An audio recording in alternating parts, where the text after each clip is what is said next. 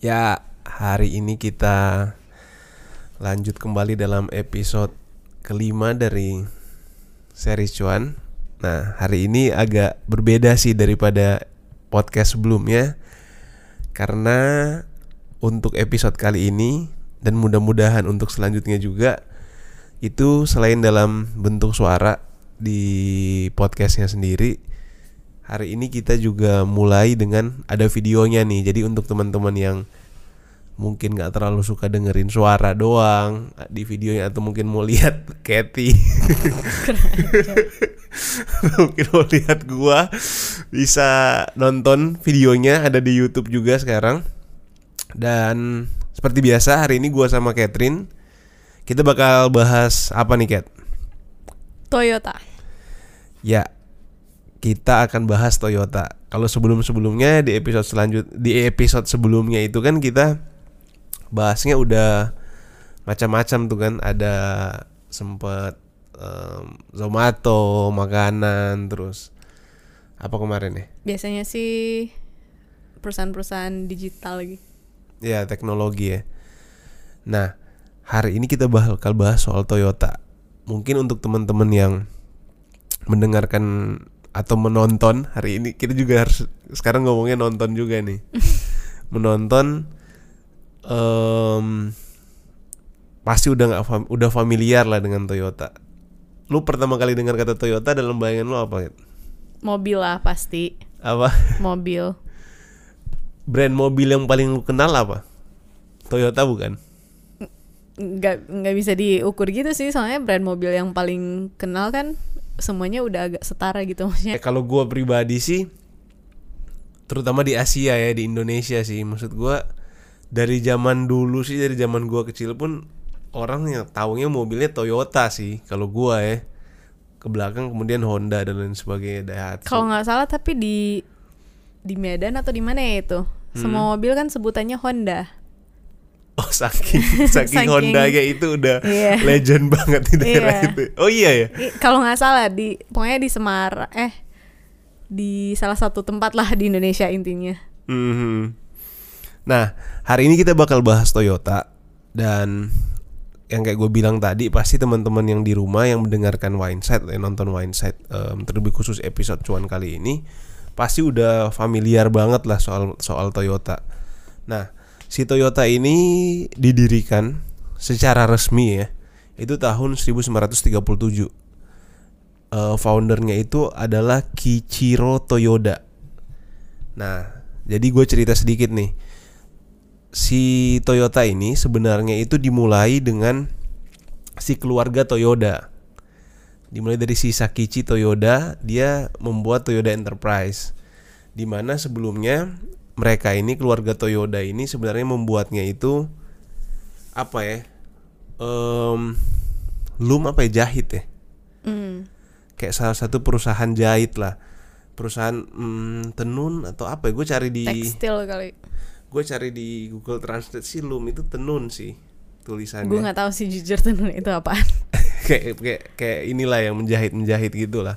Nah di Jepang si kakeknya si Kichori ini Kichiro si Kichiro Toyoda ini sering disebut sebagai King on Inventor in of Inventors atau Thomas Edisonnya orang Jepang karena katanya dia banyak menemukan hal-hal inilah terlebih khusus inovasi-inovasi. Nah, sejak di tahun 1926 dia dan anaknya ini si Kichiro ini akhirnya menemukanlah salah satu teknologi terbaru di mana mereka membuat automatic loom. Nah, dengan adanya penemuan automatic loom ini akhirnya membuat pekerjaan si penenunan ini, pekerjaan di bidang e, penjahitan ini menjadi jauh lebih efektif. Nah, temuan itu kemudian membuat si keluarga Toyota ini terutama Toyota Automatic Loom Works ini dilirik oleh perusahaan-perusahaan besar saat itu, perusahaan tekstil.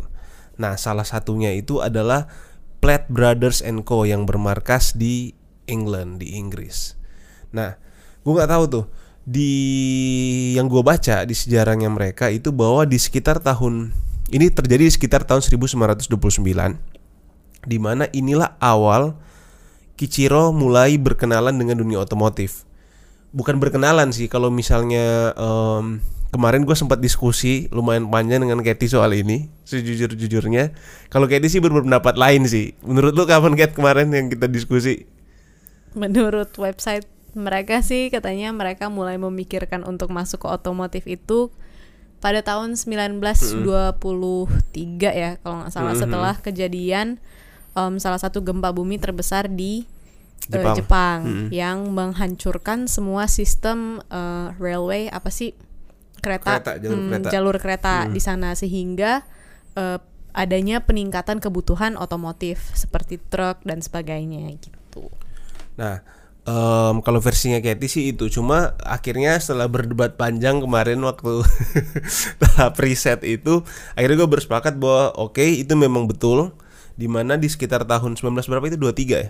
Kalau nggak salah 1923 katanya bahkan sampai ketika dia mendirikan divisi Toyota yang bidang otomotif dia mendirikannya di tanggal yang sama ketika dia Ya, anniversary-nya dari kejadian eh, gempa bumi itu. Mm, mm, nah, 10 tahun kemudian. karena dia mengasosiasikan itu dengan itulah kenapa dia mulai berpikiran soal peluang bidang otomotif ya Betul. Nah. Dan sebenarnya karena pada saat itu eh, ketika ada peningkatan kebutuhan ini semuanya itu disuplai oleh Amerika. Dan. Oke. mereka ingin membangun yang lokal lah intinya. Kalau Indonesia berdikari lah bahasanya. apa itu berdikari? Berdiri di kaki sendiri. Oh. Kalau kata Prabowo sih gitu. Iya, sama sama kayak Soekarno gitulah. dan lain-lain. Nah, oke. Nah, oke di, di, di tahun 1923 itu betul. Eh, dari kalau teman-teman buka websitenya mereka, websitenya si Toyota itu, teman-teman akan menemukan em, apa ya milestone ya. Kayak milestone kenapa Timeline. Iya timelinenya kenapa sampai akhirnya si Toyota family ini terutama si Kichiro-nya ini berpikir untuk terjun ke dunia bisnis otomotif.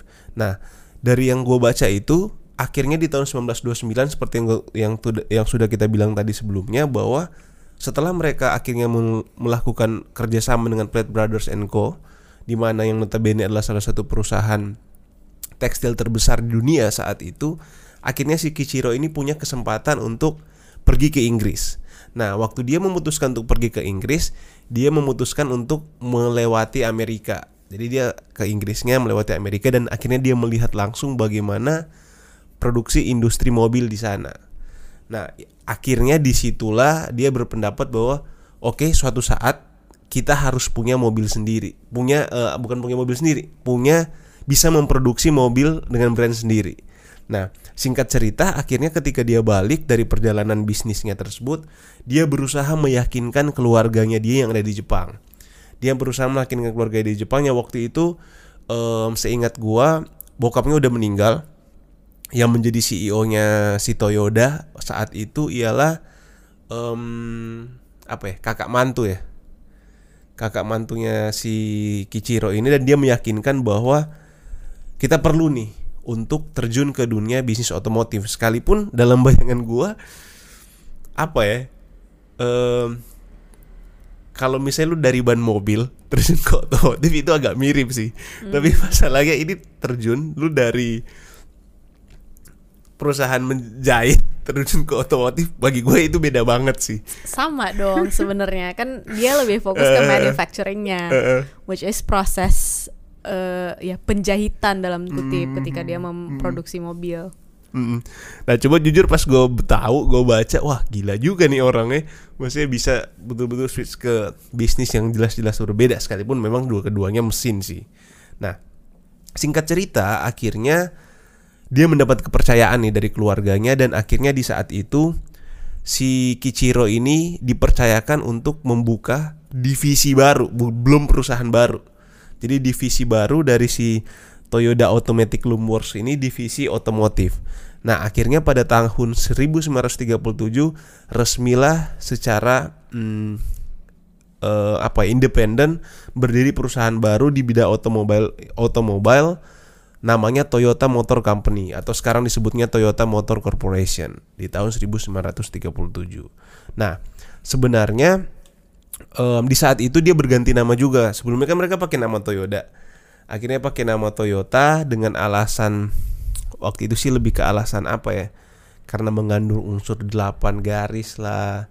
katanya lebih laki dan lain sebagainya, lebih beruntung. Gue nggak tahu sih 8 itu angka keberuntungan ya. Mungkin di di culture mereka. Nah, akhirnya setelah itu em, si Toyotanya itu kemudian terus berkembang setelah dia menjadi perusahaan sendiri. Nah, ada yang menarik nih, Kat. Yang menarik di tahun 1937 setelah itu dia kan sebenarnya membuat Toyota ini untuk eh, mobil kendaraan penumpang. Nah, di masa itu kan kalau lu ingat itu perang dunia kedua tuh. Iya kan? Sekitar 1945 kan? 40-an. Selesainya kan. Mm-mm. Nah, di situ justru si pemerintahnya menyuruh si si Toyotanya ini untuk justru membuat mobil truk Mm-mm. fokus untuk eh, mendukung kondisi Jepang yang saat itu sedang berperang. Nah, baru di sekitar tahun 1950 setelah perang tersebut akhirnya si Toyotanya ini si Toyotanya ini bisa fokus untuk mengembangkan bisnis di mobil penumpang. Nah, balik lagi ke Toyotanya. Setelah itu dia berkembang, akhirnya dia masuk ke pasar Amerika, kemudian pasar to- em, Eropa. Nah, salah satu mobil yang paling dikenal di saat itu yang paling pertama kali sih masuk ke Amerika itu ada namanya, lu pernah dengar nggak Toyota Crown? Kalau yang suka otomotif pasti tahu sih Toyota Crown. Yang sekarang dipakai menteri-menteri itu. Menteri-menteri Indonesia pakainya Toyota Crown tuh setahu gua. Nah, selanjutnya Land Cruiser, Corona dan lain sebagainya. Nah, dari itu semua panjang sih. Maksudnya kalau kita kalau gue baca ini semua sih kayaknya podcast ini kelar tiga jam sih kayak kalau gue baca se- semua sejarahnya. Cuma ada hal yang menarik nih Kat, yang gue temuin setelah eh, meriset tentang Toyota Company ini.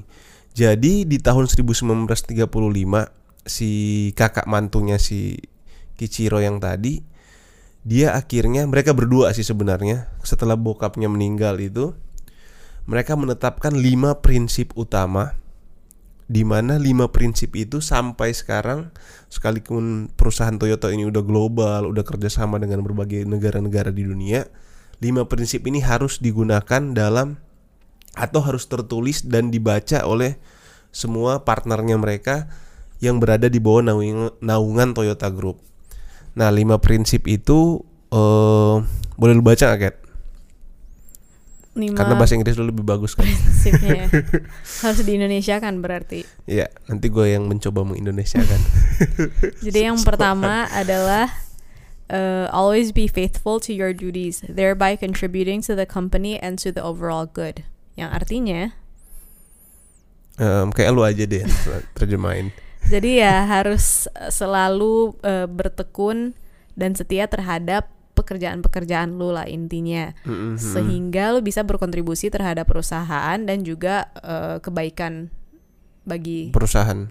secara overall Umum, gitu, hmm. secara umum.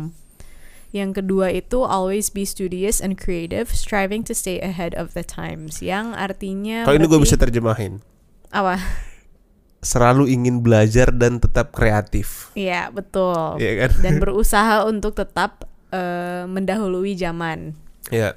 Yang ketiga itu adalah always be always be practical and avoid frivolousness. Yang artinya ya selalu eh, bekerja itu harus praktikis, harus praktikal, cara pemikirannya mungkin juga dan eh, intinya sih meng- menghindari hal-hal yang nggak praktis, maksudnya hal-hal yang Ya, terlalu ribet bertele-tele, lah, bertele-tele, iya betul. Always strive to build a home-like atmosphere at work that is warm and friendly. Kayaknya udah tahu lah ya. Ya, artinya. intinya eh, menciptakan suasana atmo- atau atmosfer kerja yang nyaman lah ya. Mm-mm. Yang nyaman yang yang apa ya sehingga sehingga semua orang yang bekerja di situ nyaman lah ketika dia Mm-mm. kerja. Yang kelima, Yang kelima itu always have respect for spiritual matters and remember to be grateful at all times. Ya, harus selalu menghargai untuk hal-hal spiritual. Eh, mungkin dalam hal ini secara secara umum mungkin bukan hanya soal religi tapi juga em, soal ini kali ya. em, kesehatan mental ini intinya kejiwaan lah dari Mhm. em, setiap eh, manusianya. Gua rasa sih gue Hmm. menangkapnya lebih ke ya jangan lupa bahwa ini semua adalah manusia yang bekerja gitu. Hmm. Dan jangan lupa untuk terus mengucap syukur setiap saat. Menarik sih sebenarnya lima lima prinsip ini apa ya prinsip yang betul-betul general ya, Mm-mm. yang sangat umum banget sih. Dan yang gua apa? Yang gua kalau lu perhatiin nih, ini ada yang sifatnya lu hubungannya antara lu dengan perusahaan, Mm-mm. lu dengan orang di ini ini, ini gue nggak tahu lah gue cocok logi atau apa tapi kalau lu perhatiin ya lima poin ini gue nggak tahu lu sepakat atau enggak hubungannya itu adalah antara lu dengan perusahaan karena ini bisnis kemudian lu dengan orang-orang di sekitar lu dalam hal ini mungkin rekan kerja lu kemudian hubungan dengan lu di tempat kerja lu dengan orang di luar tempat kerja lu yaitu mungkin bisa CSR dan lain sebagainya dan yang terakhir adalah hubungan lu dengan bisa dibilang Tuhan atau mungkin sesuatu yang sifatnya spiritual.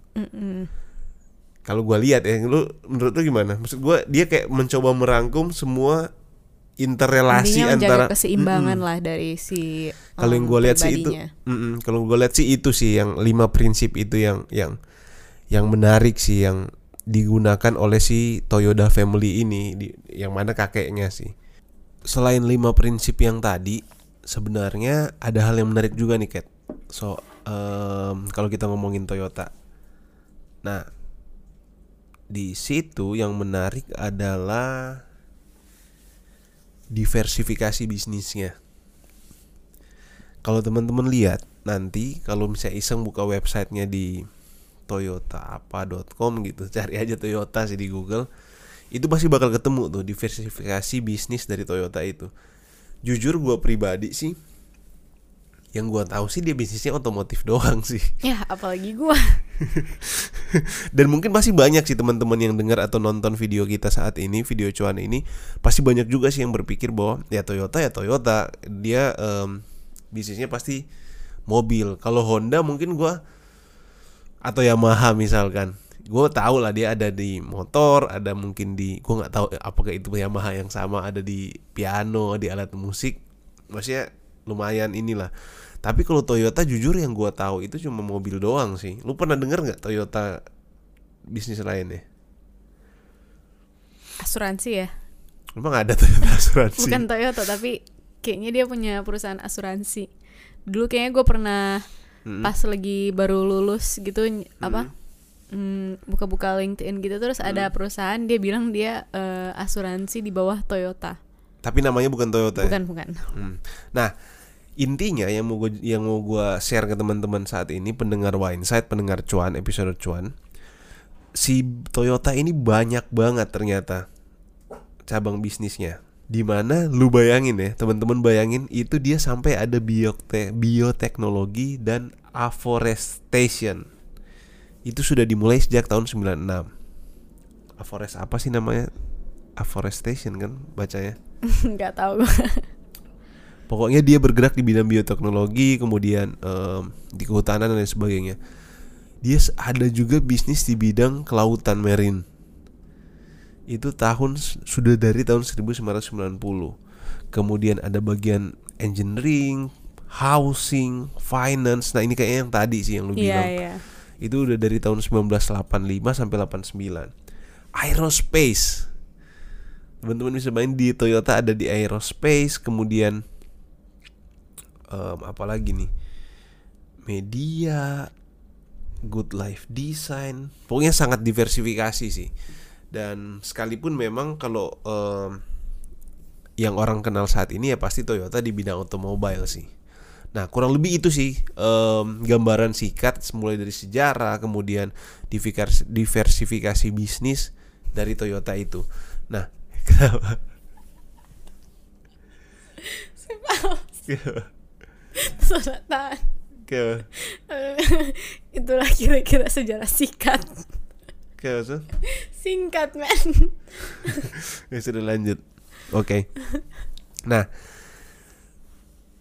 itulah kira-kira em, gambaran singkat mengenai bisnis kemudian sejarah dari Toyota Company ini mulai dari em, diversifikasi bisnisnya kemudian em, sejarah pembentukannya, kenapa dia membentuk Toyota, kenapa dia berpindah dari dari bisnis alat tenun sampai ke automobile dan akhirnya sampai diversifikasi. Gua nggak kita nggak bakal bahas di sini soal detail diversifikasinya apa aja.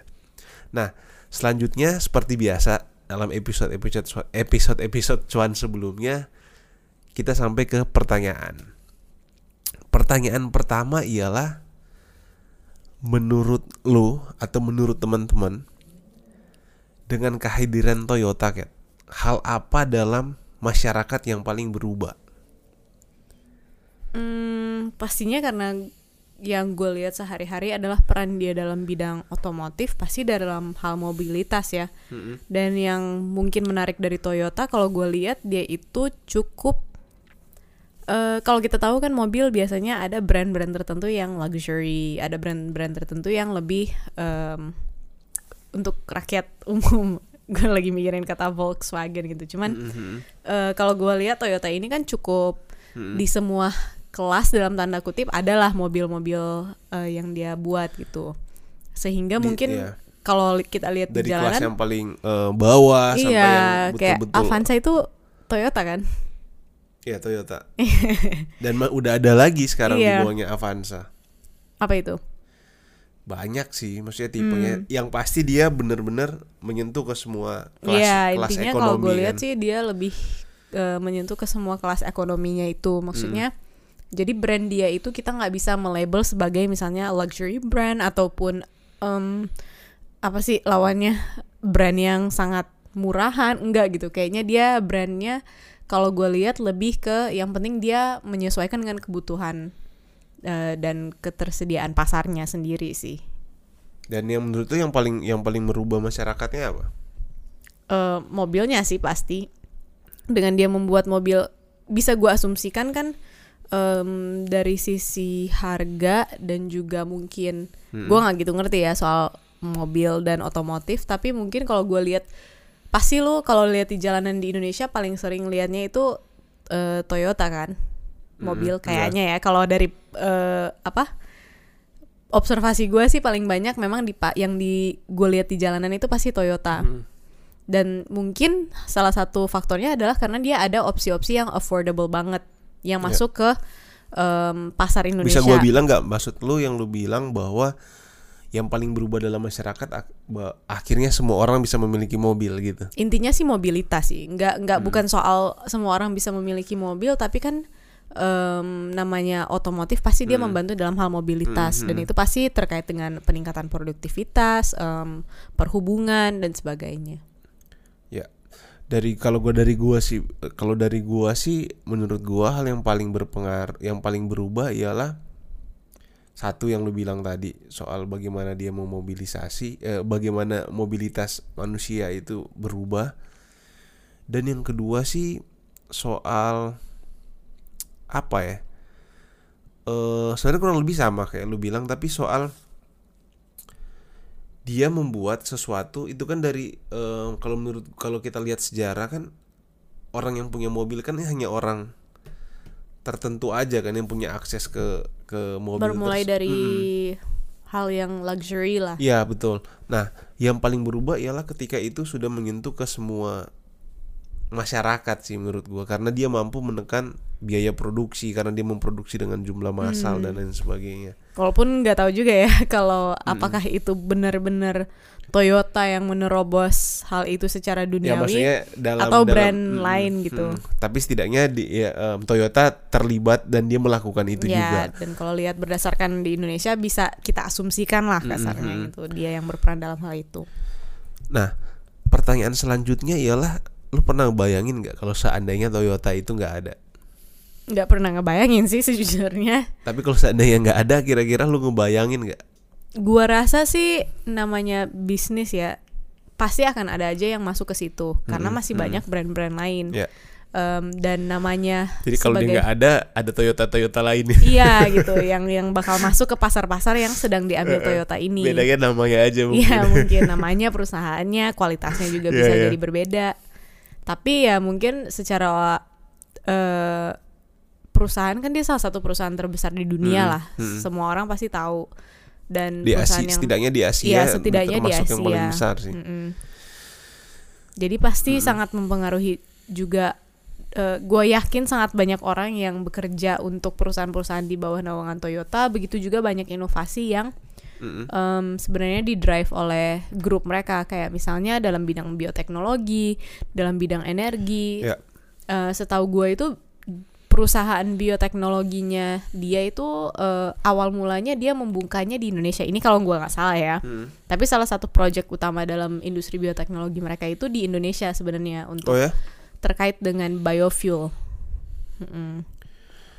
dan seandainya bener sih yang lu bilang tadi seandainya dia nggak ada pun sebenarnya ada ada Toyota lain gak sih pasti Iya. yang muncul ya gak sih nah menurut lu nih ini em gue kepikiran sih kalau misalnya teman-teman lihat sekarang dan kita juga li- sering lihat lah bahwa sekarang sedang digalang-galangnya kesadaran masyarakat atau sedang di di apa ya dimunculkan berbagai kampanye soal kehidupan dan gaya hidup yang lebih ramah lingkungan. Mm-mm. Nah, korelasinya dengan Toyota adalah bisnisnya adalah terutama industri otomotif adalah salah satu industri yang menyumbang em, termasuk lumayan besar sekalipun bukan yang paling besar gua tahu tapi lumayan besar menyumbang em, apa ya Polusi. polusi.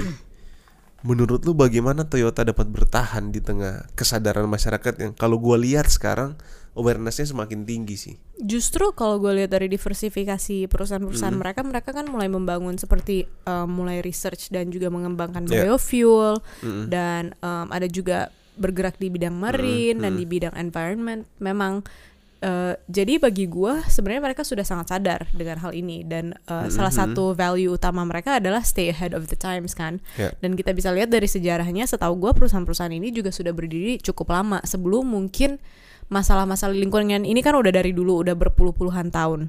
Tapi sekarang ini karena lagi kritis-kritisnya jadi lagi dan juga dengan adanya uh, media dan sosial media jadi lebih apa ya Mm-mm. awarenessnya lebih naik. Tapi sebenarnya mereka justru sudah mulai mengembangkan um, atau mulai meresponi masalah ini dari sejak dulu bagi gua. Jadi sebenarnya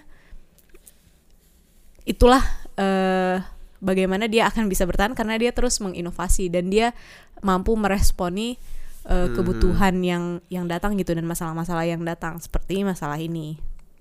Tapi kan em, dalam bayangan gua itu hampir nggak mungkin sih lo bisnis otomotif tanpa menyumbang polusi. Ya nggak sih?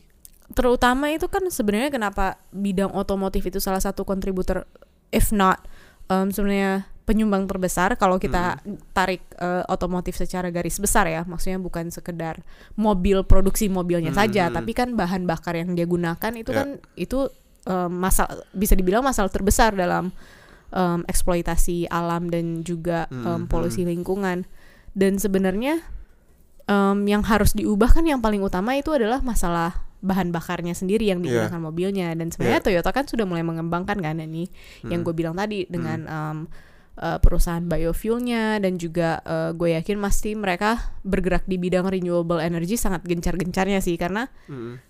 ya itu yang akan menjadi tolak ukur apakah mereka akan mampu bertahan atau tidak. Ya memang sih di di produknya sendiri pun memang ada beberapa produknya yang hybrid. Mm-mm. Em, jadi udah nggak udah nggak eh, eh, udah udah ada gabungan listrik dan lain sebagainya. Cuman Tapi kalau- listrik itu enggak sebenarnya enggak terlalu ikut udah bahasan yang berbeda. Nggak ramah-ramah lingkungan Iya. banget juga ya. Nah, maksud gue ialah em, memang dia juga melakukan CSR, social responsibility dan lain sebagainya. Cuma kalau gue pribadi, ini mungkin juga jadi renungan untuk teman-teman juga yang mendengarkan. Kira-kira gimana sih industri otomotif ke depan di tengah kesadaran masyarakat dan di tengah tuntutan dunia, tuntutan bumi khususnya tentang em, mengurangi polusi udara. Bahkan beberapa negara sudah eh, menetapkan aturan untuk misalnya bersepeda. PS hari ini catatan sampingan nih karena lu lagi ngomongin polusi udara. Hari ini Indonesia kota Jakarta itu menduduki urutan nomor dua kalau nggak salah kalau nggak dua satu kualitas udara terburuk di dunia. Tambahan aja, selingan. Dan apakah Toyota mengambil bagian di dalamnya? Oh jelas kalau dia paling banyak mengambil pasar di Indonesia. Nah itu sih bag- ba- bagi gua balik lagi ke pembahasan yang tadi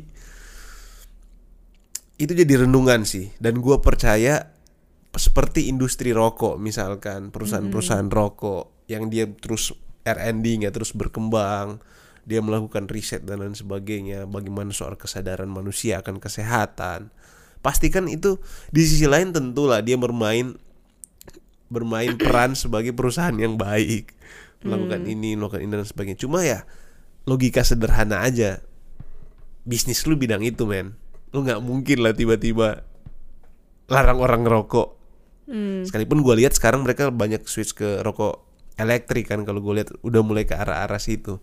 Nah kita nggak ngomongin rokok maksud gue logikanya sama juga dengan mobil bahwa lu kemudian memang mengarahkan riset development lu ke arah-arah yang lebih ramah lingkungan tidak serta merta menyelesaikan masalah lingkungan. Nah, mungkin ini bisa menjadi bom waktu ke depan di mana ini hanya persoalan waktu bisnis lu akan selesai dan lain sebagainya atau di sisi lain justru ini menjadi peluang baru di mana lu berinovasi ke industri otomotif yang mungkin bukan le- bukan menggunakan kata lebih ramah lingkungan lagi tapi memang betul-betul ramah lingkungan. Buat gue sih sebenarnya mungkin em, balik lagi yang lu bilang tadi ya dulu itu mobil itu sebuah luxury. Hmm. Tapi saat ini bisa gua bilang em, setidaknya bagi sebagian besar orang mobil itu udah semacam komoditas terutama kalau kita berbicara di Jakarta. Jadi kebetulan beberapa minggu lalu gua habis ikut workshop dan ada salah satu staf gubernur di em, di Jakarta yang eh, menjadi salah satu pembicaranya dan dia menyatakan bahwa sebenarnya Jakarta ini memang tata tata kotanya itu dibentuk untuk eh, car centered.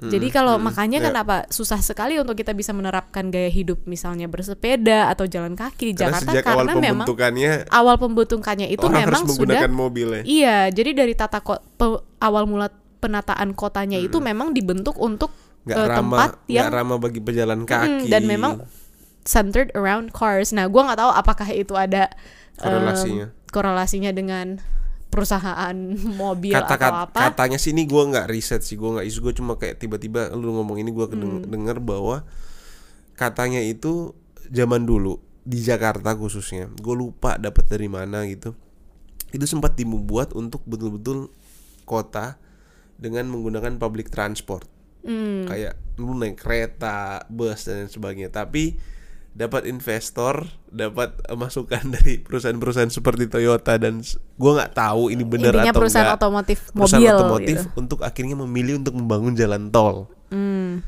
Jalan tol dan infrastruktur em, eh, lainnya yang berhubungan dengan mobil dibanding justru membangun em, industri-industri eh sorry em, fasilitas publik seperti Iya. kereta dan lain sebagainya. Itu betul sih kalau berdasarkan yang dia bilang Iya kan? memang em, pembentukan kayak tol itu juga ada faktor politik juga iya sangat berarti sangat sangat politis sekali. di masa itu di masa itu di mana terjadi eh, pergeseran master plan kalau menurut gua ya nggak sih blueprint blueprint kota Jakarta di saat bukan kita nggak ngomongin Jakarta juga sih maksudnya Indonesia ke Tapi depan memang Jakarta sih yang Yap. yang memang dibuat untuk mobil gitu. ya pertanyaan selanjutnya setelah kita ngomongin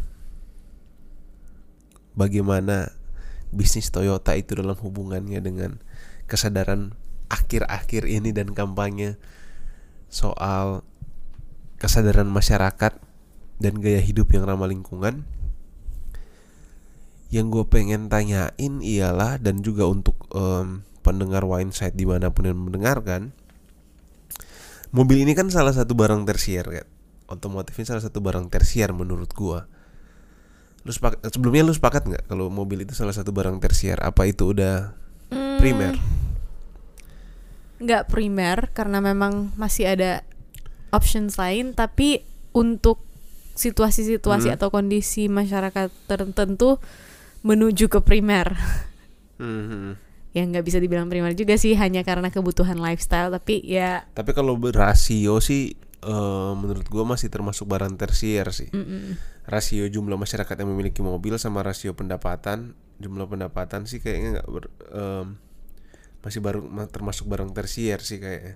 dari sisi kebutuhan sih memang tersier menurut gua maksudnya Nah. bukan komoditas kan Nah, pertanyaan gua ialah bagaimana bisnis di bidang produk tersier. Jadi sebenarnya jadi jadi gini nih. Akhir-akhir ini kan gue lihat bahwa hampir seluruh negara di dunia itu mengalami krisis perekonomian. Hmm. Hal paling sederhana ialah tingkat konsumsi masyarakat. Sebagian besar menurun, termasuk Indonesia. Gue nggak tahu sih data terakhir apakah masih menurun, apa udah stabil lagi dan meningkat lagi gue nggak tahu. Tapi yang gue tahu itu menurun Em, bis- em, konsumsi dan itu juga bisa diukur dari tingkat pembelian properti dan lain sebagainya. Nah, pertanyaan gue ialah bagaimana bisnis seperti Toyota di bidang otomotif, which is barangnya itu tersier, dapat bertahan di tengah krisis pereko- perekonomian dunia dan menurunnya tingkat konsumsi. sebenarnya kan tujuan bukan tujuan sih mungkin em, bagi Ya. Orang bisnis pebisnis yang sesungguhnya adalah yang memang eh, menjalankan bisnis itu dia mengerti seberapa pentingnya Mhm. diversifikasi Ya. karena dia terus eh, walaupun pasti semua bisnis yang sifatnya Mhm. konglomerat atau grup misalnya walaupun dia masuk ke industri yang berbeda-beda pasti ada Mhm. satu core inti dari semua perusahaan-perusahaan itu Ya. misalnya untuk suatu grup mungkin dia akan selalu masuk ke pasar kebutuhan masyarakat komoditas Ya. Walaupun di industri yang berbeda berbeda-beda. Nah, kalau di Toyota ini kan sebenarnya kalau kita lihat dari filosofi Mhm. em, perusahaannya itu memang dia fokusnya adalah manufacturing. Jadi eh, sekalipun dia bisnisnya berbeda-beda, kekuatan Mhm. dia yang dia eh, menjadikan fokus utamanya adalah bagaimana membuat sistem manufacturing apa pun produknya itu yang lebih efektif, efisien, yang yang kalau kata-katanya sih seeking harmony between people, society, and global environment and sustainable development of society through manufacturing. Jadi dia Mhm. memanfaatkan manufacturing ini untuk eh, misi itu. Dan bagi gua sekalipun dia saat ini fokus mungkin gua nggak tahu ya datanya apakah memang Hmm. em, ini terbesarnya adalah otomotif. Ya. Tapi sekalipun itu yang terbesar dan untuk melihat bahwa hal itu adalah hal tersier sebenarnya bertahan atau tidaknya suatu perusahaan itu bagi gua tidak bisa dinilai dari produk yang dikeluarkan semata Ya.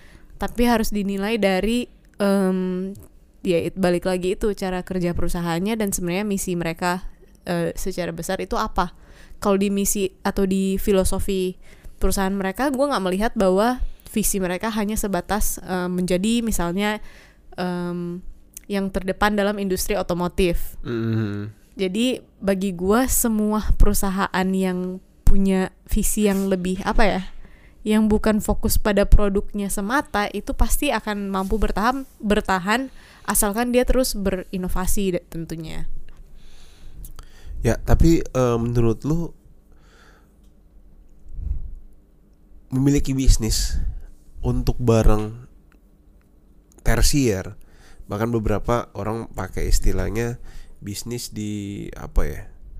Blue apa gitu gue lupa nama istilahnya. Jadi ada bisnis yang banyak pemainnya, kemudian Hmm. ada bisnis yang nggak terlalu banyak, ada bisnis yang sedikit, ada bisnis yang betul-betul lu sendiri pemainnya karena semakin lu semak, eh, semakin sedikit pemainnya berarti tingkat kesulitan modal dan sebagainya pasti lebih susah. Nah bagi gua kan eh, bisnis di otomotif itu kan termasuk bisnis yang nggak terlalu banyak pemainnya karena modal yang lumayan besar dan lain dan sebagainya. Yang mana produknya juga pun nggak dikonsumsi oleh em, seluruh beda sama makanan lah. Kalau makanan kan hampir semua orang pasti menggunakan makanan. Nah, menurut lu ini suatu keuntungan gak sih?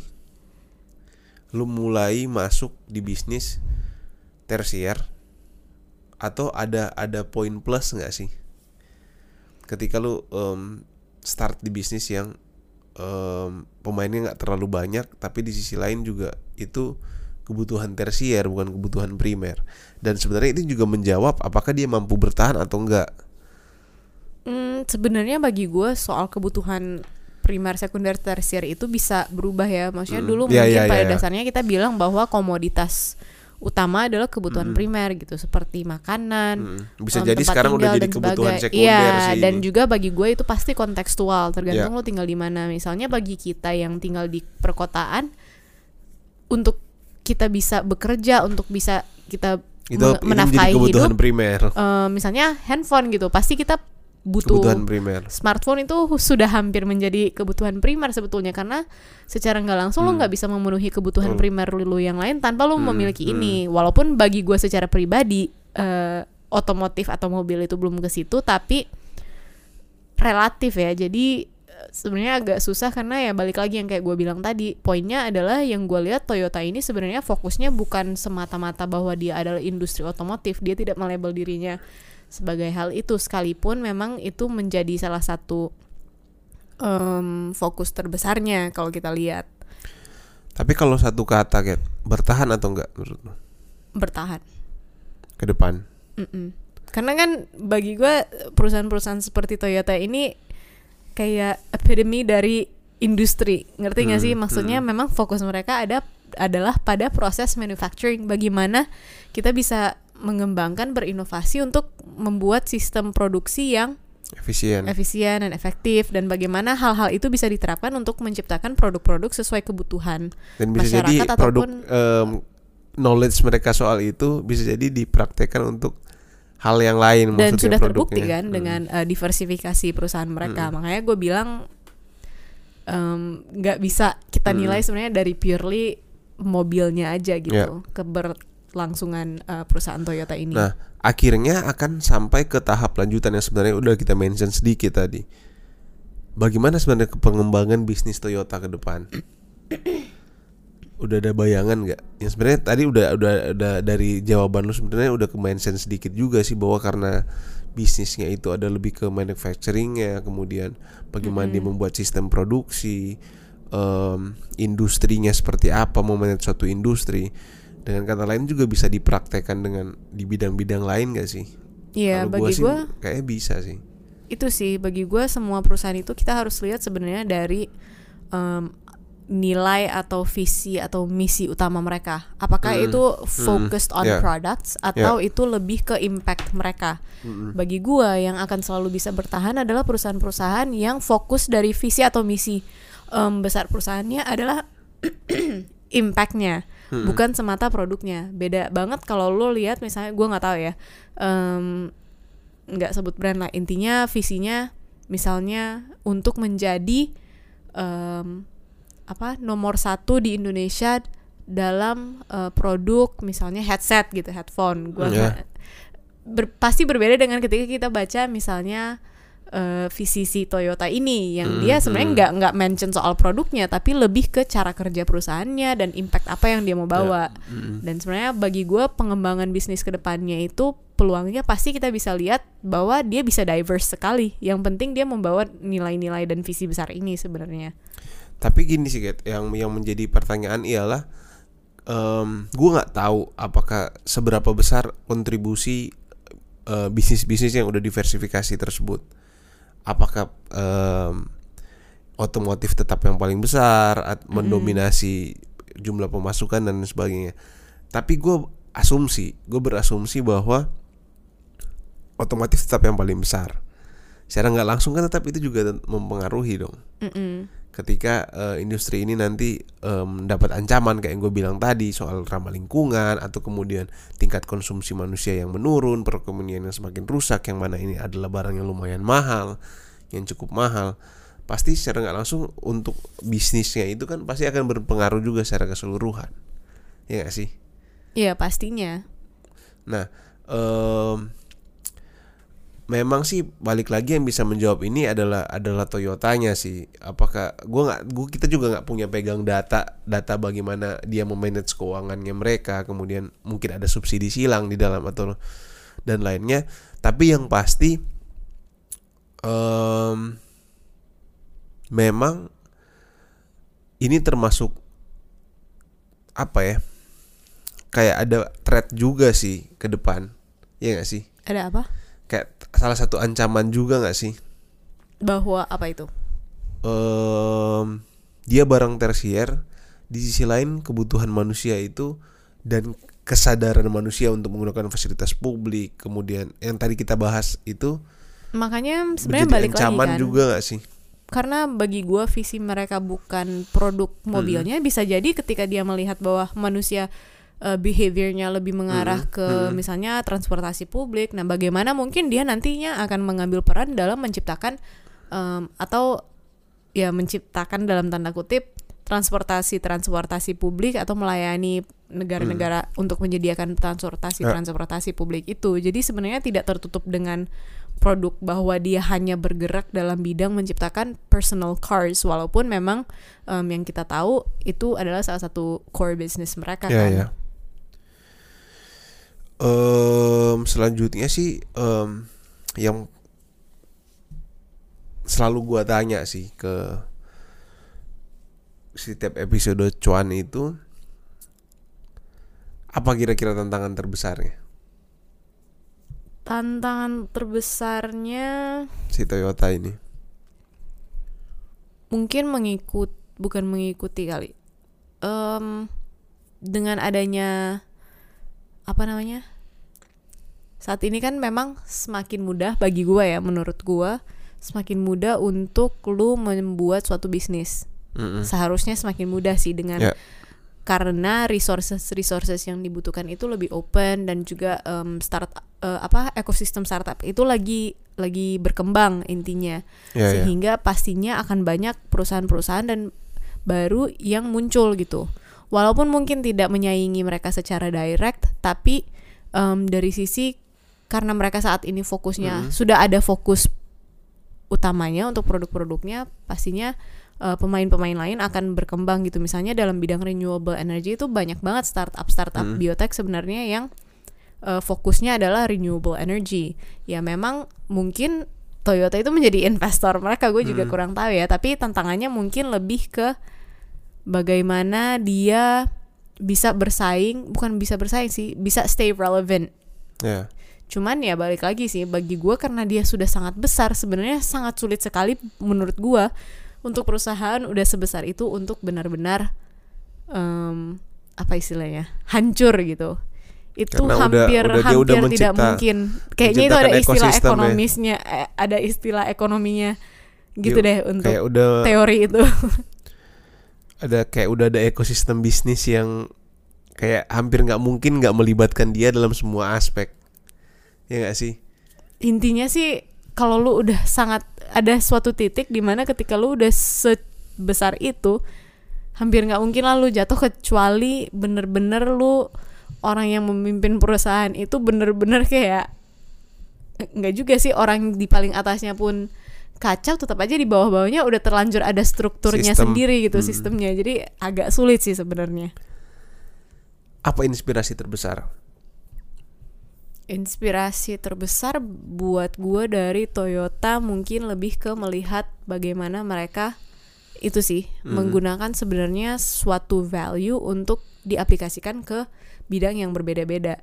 Jadi bukan semata-mata mereka adalah em, per- perusahaan yang menciptakan produk, tapi sebenarnya dia bergerak untuk eh, dia tahu impact apa yang dia mau bawa ke, ke society dan dia tahu kekuatan dia apa. Dalam hal Ya. ini manufacturing itu kekuatan strength dia.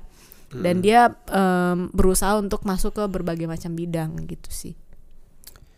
Kalau gue tambahin sedikit kalau dari gue pribadi sih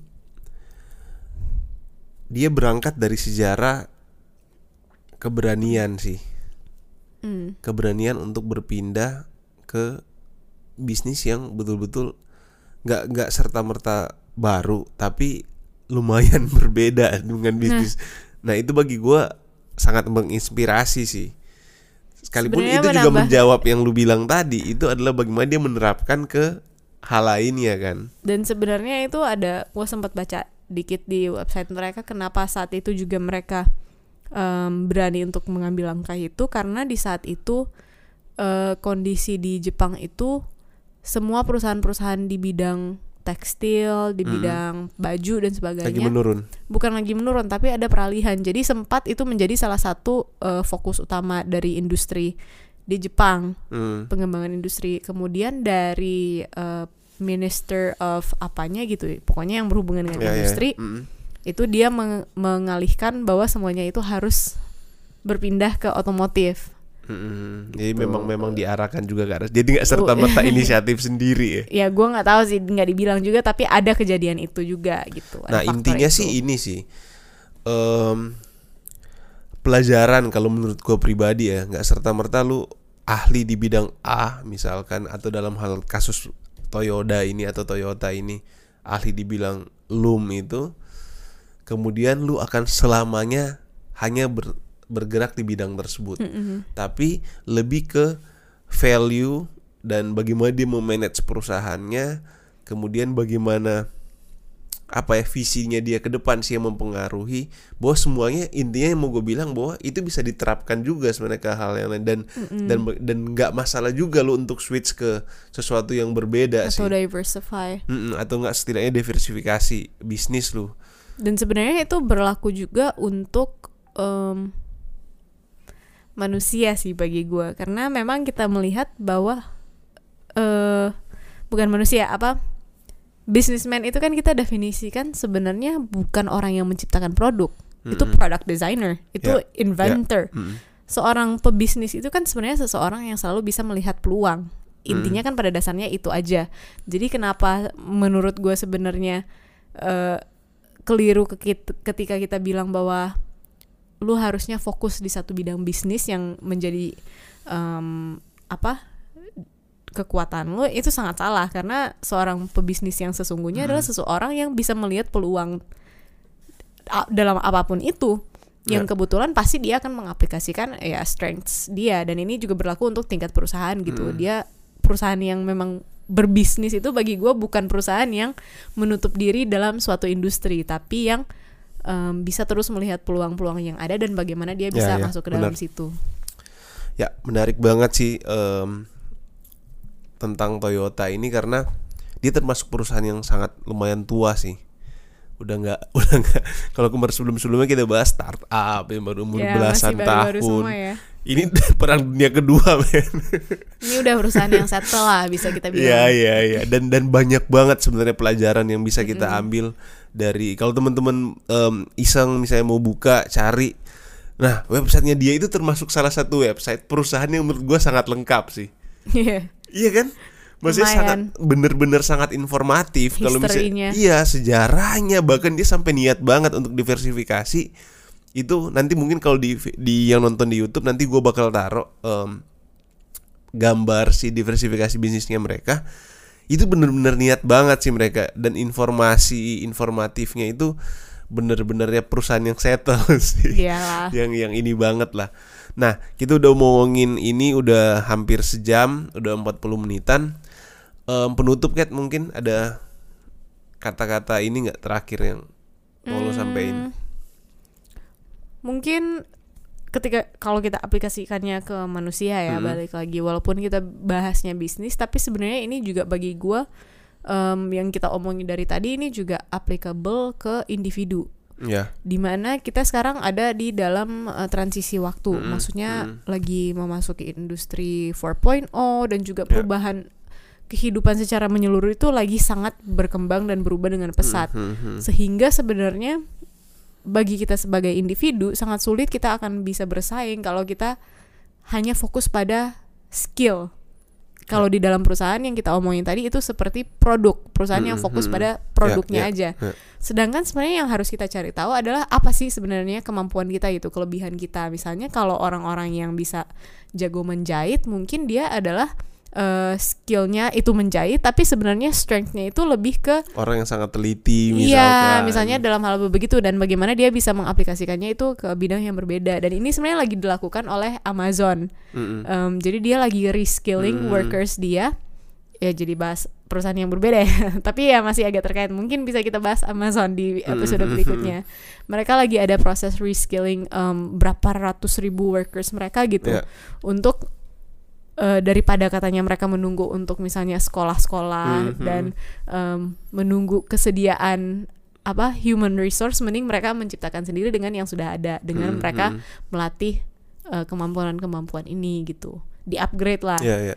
jadi sebenarnya Nah. itu bagi gua kesamaan antara bisnis dengan manusia Hmm. adalah itu sih Oke, menarik sih apa em, karena memang yang gue lihat ya kita mungkin em, sudah terlalu lama stigma yang berkembang mungkin dari orang tua kita atau mungkin dari em, yang lebih tua lagi dari orang tua kita dan itu kemudian diwariskan turun menurun dan sistem pendidikan juga bahwa skill lu itu dibatasi dengan profesi apa. Iya. Ya nggak sih? Misalnya oh lu em, jago gambar berarti lu harus jadi pelukis Iya. misalkan. Lu jago gambar berarti lu harus ja- lu harus kuliah desain misalkan padahal itu kan hanya aplikasinya penerapannya sedangkan betul. skill di sini kan yang yang kayak lu maksud tadi adalah betul-betul misalnya ketika dia menggambar adalah bagaimana dia mengimajinasikan Proses di iya otaknya proses di gitu. otaknya atau mungkin ketika dia ber- berbuat musik adalah logikanya yang dipakai dan bagaimana lain dia me- menyatukan harmoni-harmoni itu Nah, prosesnya dan itu sih sebenarnya em, justru menjadi apa ya? Menjadi harapannya bisa menjadi insight baru sih bagi siapa pun yang mendengar ini atau yang nonton ini bahwa ya lu nggak harus berkecil hati ketika mungkin em, ataupun kemudian menjadi malu atau takut ketika oh gue kuliah ini nih sebelumnya kok tiba-tiba gue jadi kerja ini bisnis ini? Wah apalagi gua. Iya kan iya kan? Maksud gua dan itu banyak loh dialami oleh Iya. oleh banyak orang dan dan banyak lah orang-orang sekitar yang gua tahu pun mengalami itu ataupun menanyakan hal tersebut dan kadang yang menjadi parah itu ketika itu justru dianggap sebagai suatu beban sih Iya. beban ialah oh gua lulusan ini gua harus menjadi ini Iya. ketika gua nggak menjadi ini berarti gua gagal walaupun memang ada eh, perusahaan atau kebutuhan-kebutuhan Ya. tertentu ya tapi kan bukan berarti karena kebutuhan itu yang dibutuhkan oleh lapangan kerja Ya. tapi lu harus membatasi diri lu dengan itu aja gitu tapi kayaknya kita udah bahas hal yang berbeda Iya, nih iya, udah iya. Nah, udah udah jadi lebih lama nih episodenya. Jadi em, thank you yang udah mendengarkan, yang udah nonton video Wineside em, Cuan episode Cuan episode ke lima kali ini. Semoga dengan em, episode ini teman-teman yang mendengarkan itu bisa mendapatkan insight baru, bisa mendapatkan pengalaman baru atau mendapatkan pengetahuan. Dan jangan lupa kalau misalnya teman-teman punya eh, masukan, saran, eh, bentuk Usul. apa pun itu, usul untuk cuan untuk episode cuan selanjutnya bisa DM ke Instagram kita @wineside.id. Bisa juga mungkin komen di kolom komentar karena udah ada YouTube-nya sekarang. Dan jangan lupa share atau rekomendasikan ke teman-teman kalian yang kira-kira mau atau tertarik nonton atau dengerin podcast ataupun em, konten cuan kita. Paling itu sih sampai ketemu ketemu di episode selanjutnya dan di episode minggu depan ada podcast dari Catherine eh, Under 30 jangan lupa didengerin juga. Oke, thank you. Gua Richard dan gue Catherine sampai ketemu di episode selanjutnya.